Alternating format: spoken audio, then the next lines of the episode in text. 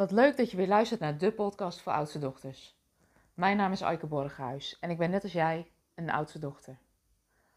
Een kenmerk van oudste dochters is dat ze zich vaak verantwoordelijk voelen voor het grotere geheel. Dat herken ik in ieder geval bij de klanten met wie ik werk, maar ook vooral de deelnemers in de jaargroepen.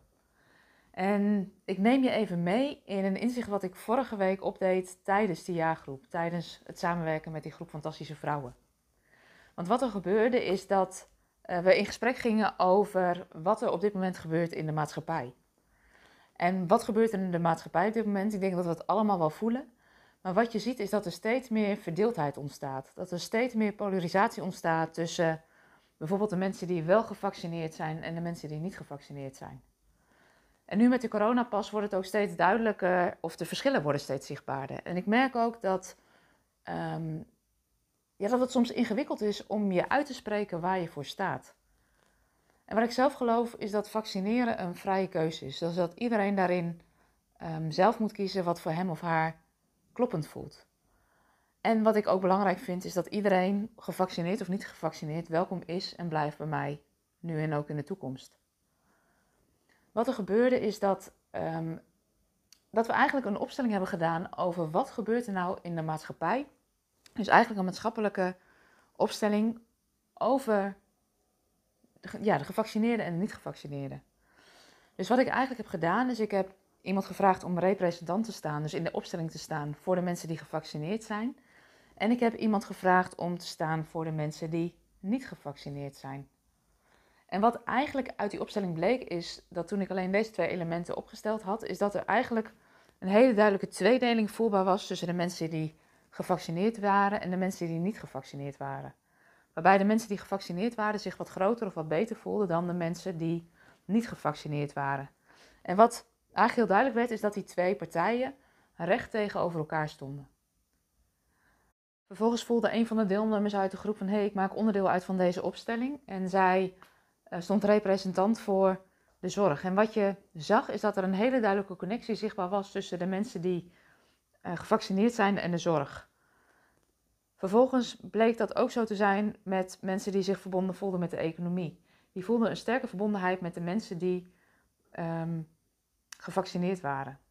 En dat is eigenlijk wat je vaak ook ziet. De mensen die zich laten vaccineren doen dat voor een heel groot deel ook vanuit loyaliteit richting de zorg, vanuit loyaliteit uh, richting de economie. Van dan kan alles weer zo snel mogelijk gaan draaien.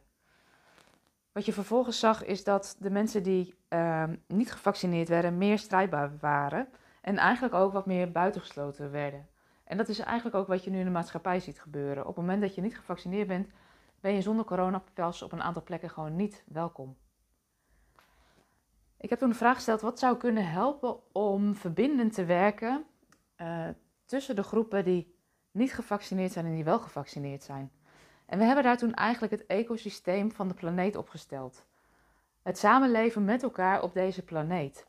En wat je vervolgens zag, als je die grotere bedoeling erbij pakte, dus het samenleven op deze planeet op een manier die voor iedereen um, helpend is, zag je dat zowel de niet-gevaccineerden als de gevaccineerden zich omdraaiden en naast elkaar kwamen te staan. En daarin helpt soms ook het systemisch werk, het uitzoomen, om te kijken wat is nou de grotere bedoeling. Want vaak die polarisatie ontstaat als mensen zich ontzettend verbonden voelen met een deel van het vraagstuk. Op het moment dat je uitzoomt, meer afstand neemt, dan weet je dat eigenlijk mensen hetzelfde willen.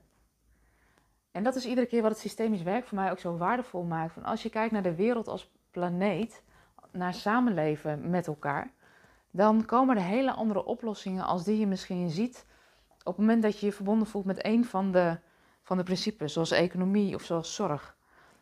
Ik geloof er ook in dat het gaat om dat versterken van dat grotere geheel. En dat is ook wat ik uh, zie met al die vrouwen die bij mij in de jaargroepen zitten of die klant bij me worden. En dat geeft me ook wel een stuk rust. Het geeft me een stuk rust om uh, me niet altijd te laten meevoeren in de strijd en de polarisatie die nu zichtbaar is. Maar om me steeds te verbinden met het grotere geheel. Van wat van waarde is voor de wereld als geheel. En om me daarmee te verbinden. Het kan zijn dat het jou ook helpt op het moment dat je merkt dat je heen en weer gesleurd wordt tussen, ja, wat, waar, waar kies ik voor? Welke keus maak ik? Je verbinden met dat grotere geheel, vanuit liefde voor dat grotere geheel, geeft vaak ruimte om je vrijer te bewegen. Nou, dat is eigenlijk het inzicht wat ik je mee wilde geven uit de opstelling die we vorige week gedaan hebben in een van de jaargroepen. Um, omdat ik denk dat het helpend kan zijn. Daarmee wil ik ook deze podcast eindigen. Um, verbind je met jezelf, met je eigen waarden. Verbind je met dat grotere ecosysteem, de wereld, de planeet waarop we samenleven en samenwonen met elkaar. En waar we goed voor moeten zorgen nu en op de lange termijn. En ja, neem het mee. Doe ermee wat je wil. Voel je nou van, hé, hey, daar zou ik meer van willen weten. Ik zou daar meer onderzoek naar willen doen. Ik zou me meer willen verbinden met het grotere geheel. Met een groep vrouwen. Weet dan dat ik medio november weer ga beginnen met een nieuwe jaargroep. Dus mocht je voelen, hé, hey, ik wil mijn eigen leiderschap verstevigen. Um, in mijzelf en voor de wereld om me heen. Weet dat je welkom bent voor een persoonlijk adviesgesprek. Dan ga ik graag met je in gesprek om te kijken of uh, we een match hebben. Um, en of je ja, of ik je misschien zou kunnen helpen of misschien zouden kunnen gaan samenwerken. Mocht je dat willen, dan kun je een kijkje nemen op de website www.oudstedochter.com. En daar kun je op de contactpagina een afspraak met me plannen. En weet dat ik je graag ontmoet. Voor nu wens ik je een hele fijne dag en tot de volgende keer.